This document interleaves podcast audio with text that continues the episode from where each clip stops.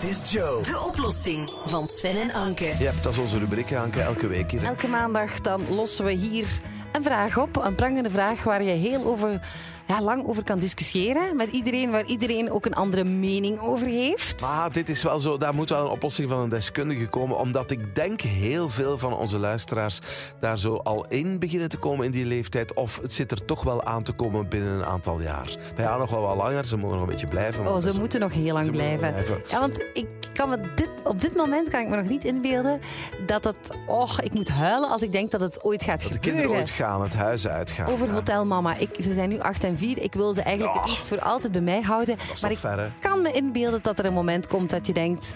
Poeh, ze zijn nu 27. Ja, Het is wel eens al heel oud. Ja. Hoe laat ben je eigenlijk echt uit huis gegaan, Anke? Ikzelf. Ja, welke leeftijd? Ja, op kot 18 en echt gaan samenwonen met Tom, 24. Ja, ja, oké. jij, ook Sylvie? zoiets, Ik ook op kot 18. Ik denk... ehm, ehm, ook 24 gaan zoiets, samenwonen. ja. Ja, Dit, wanneer is het? 25. Ja, Ja, 2021 denk ik, ja. Ja, lekker En- vroeg ja, al eh, vertrokken, ja. ja. Bij mij was het ook zoiets, eh, 18e dan inderdaad eh, naar PEDA gegaan. En dan van zodra ik dan eh, gedaan had met studies, ben ik op een studiootje gaan Maar je wonen. hebt kinderen van 33 die nog altijd thuis Ja, en wonen. meer hè? en meer lees je overal in de kranten, hè? Dus we hebben het eh, gevraagd aan Sarah van Gijzegem van de Gezinsbond. Goedemorgen, Sarah. Dag Sarah. Hey, goedemorgen. Hallo. Ja, want je hebt die verantwoordelijkheid als ouder. Aan de ene kant vind je het lang ook fijn dat ze in de buurt zijn. En dan Tuurlijk. beginnen die te werken en van alles te doen. En die blijven langer en langer en langer plakken, blijkt uit allerlei studies. En Mhm. ouders vinden het dan op de duur moeilijk om dan de knoop door te hakken en te zeggen... Ja, maar nu is het misschien toch beter dat je je eigen weg gaat en stiekem ons ook met rust laat, dat wij ook even op ons... Ja, wanneer is dat moment daar en moet je dat aanpakken en hen zeggen? Goh, ik denk, ik heb ook eens rondgehoord, ik heb studies bekeken en zo. Er zijn eigenlijk heel weinig ouders die op een bepaald moment, zoals honden dat doen bij hun puppies, een schop onder de kont geven en zeggen: Nu is het gedaan, nu moet je mijn, mijn kot uit of mijn nest uit. Eh, behalve als er echte wantoestanden zijn, natuurlijk. Hè. Ehm, want uiteindelijk heb je ook zelfs mensen die ervoor kiezen om levenslang met verschillende generaties onder een dak wonen en waarom de duur de zorgrollen worden omgedraaid. Dus het kan ook heel praktisch zijn. Maar natuurlijk, hè, in de gewone gang van zaken, blijkbaar is dat nu in Vlaanderen gemiddeld op 26 jaar dat mensen het huis uitgaan. Ehm, en daar zitten natuurlijk heel veel redenen achter. De financiële. Eh, Het is pokkenduur om alleen te gaan wonen. Eh, we hebben, zitten met de inflatie, met energiekosten. Ehm, ook mensen willen zichzelf een beetje ontplooien hè, voordat ze het huis uitgaan. Dat is ook typisch. Eén of twee studies doen, misschien een wereldreis doen. Dus dat zijn allemaal zaken die het uit huis gaan wel een beetje uitstellen. Ehm, ik denk ook opvoeding. En de manier waarop generaties met elkaar omgaan, ook dat zorgt ervoor dat eigenlijk onze jongeren graag bij mama en papa thuis blijven plakken in vergelijking met vroeger. Toen was dat, goh, als je eens bij je lief wou slapen, moest je het stiekem doen en zo. Nu is dat van, oh, laat je maar langskomen, het is gezellig. Eh, er worden eigenlijk niet zoveel dingen in de weg gelegd van jonge mensen. Hè. Dat nest blijft vaak heel vriendschappelijk, heel joviaal openstaan. Maar Maar... Ja. natuurlijk een paar maren. Hè. Je zit daar met de financiële kant en je zit daar dan ook met de praktische kant. En als je eens rondvraagt op vlak van financiën, oh, iedereen vindt daar zo zijn eigen weg in of zijn eigen oplossing is in. Ik wil maar zeggen, als je lid bent van de gezinsbond, kan je dat daar laten berekenen. Wat zou een mooie bijdrage zijn van Oh. uw kind?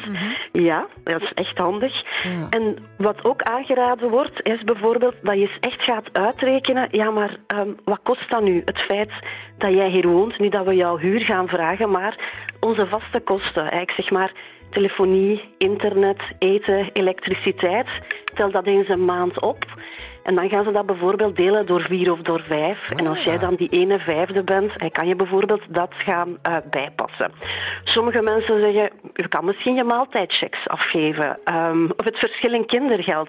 Want uiteindelijk, als je kind begint te werken, op het moment dat hij echt ehm, een job heeft, ja, dan verlies je als ouder ook je kinderbijslag, je belastingsvermindering, eventueel een alimentatie. Dus het heeft ook wel financiële impact. Dus het is niet onlogisch dat je dan iets gaat bijdragen. Maar ik zeg het, er zijn ook mensen die zeggen nee, spaar maar voor je toekomst.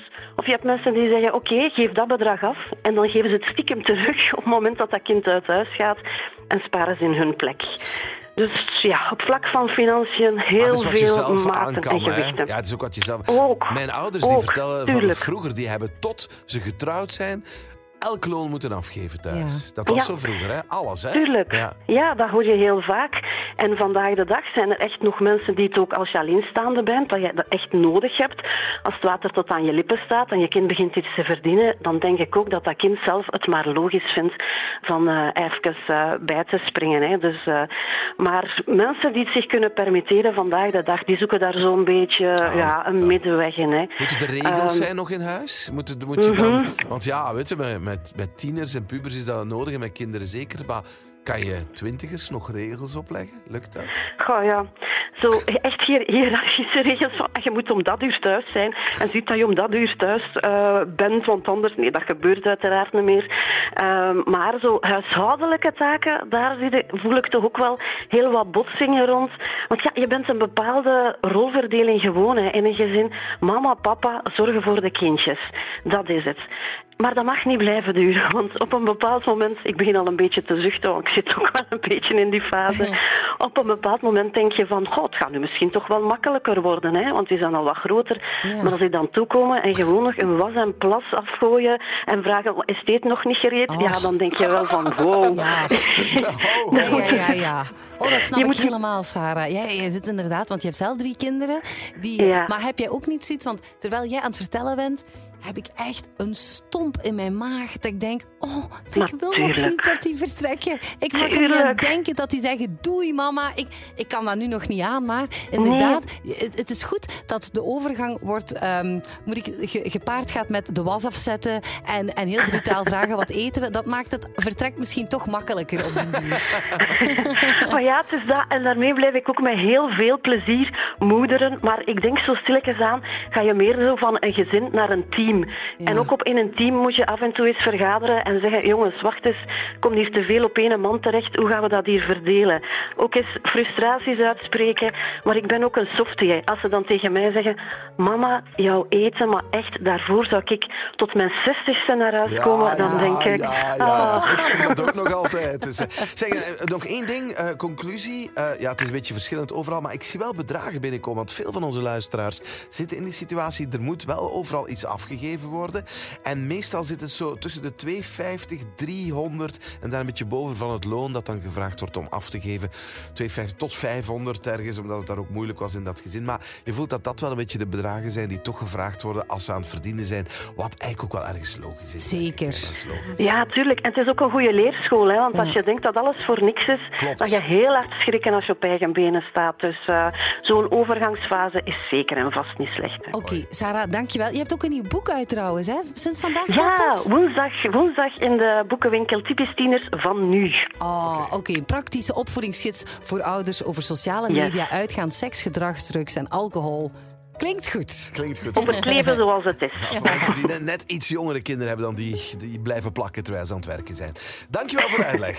Fijne dag. Heel graag gedaan. Salut.